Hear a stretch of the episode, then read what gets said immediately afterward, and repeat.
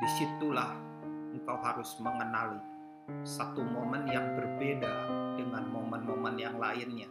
Itu bukan momen normal, itu momen ilahi, di mana sesuatu yang ilahi menembus kegelapan batin kita yang kotor, kosong, hampa, penuh dengan rasa sakit, penuh dengan rasa bersalah, penuh dengan hal-hal yang membuat kita berkata kepada Tuhan seperti Petrus berkata, "Pergilah Tuhan menjauh dariku karena aku adalah orang yang berdosa."